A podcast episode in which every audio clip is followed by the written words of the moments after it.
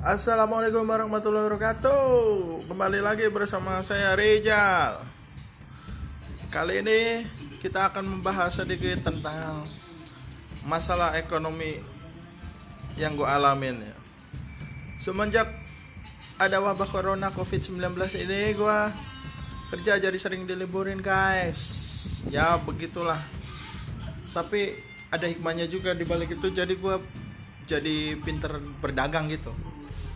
Jadi pinter jualan.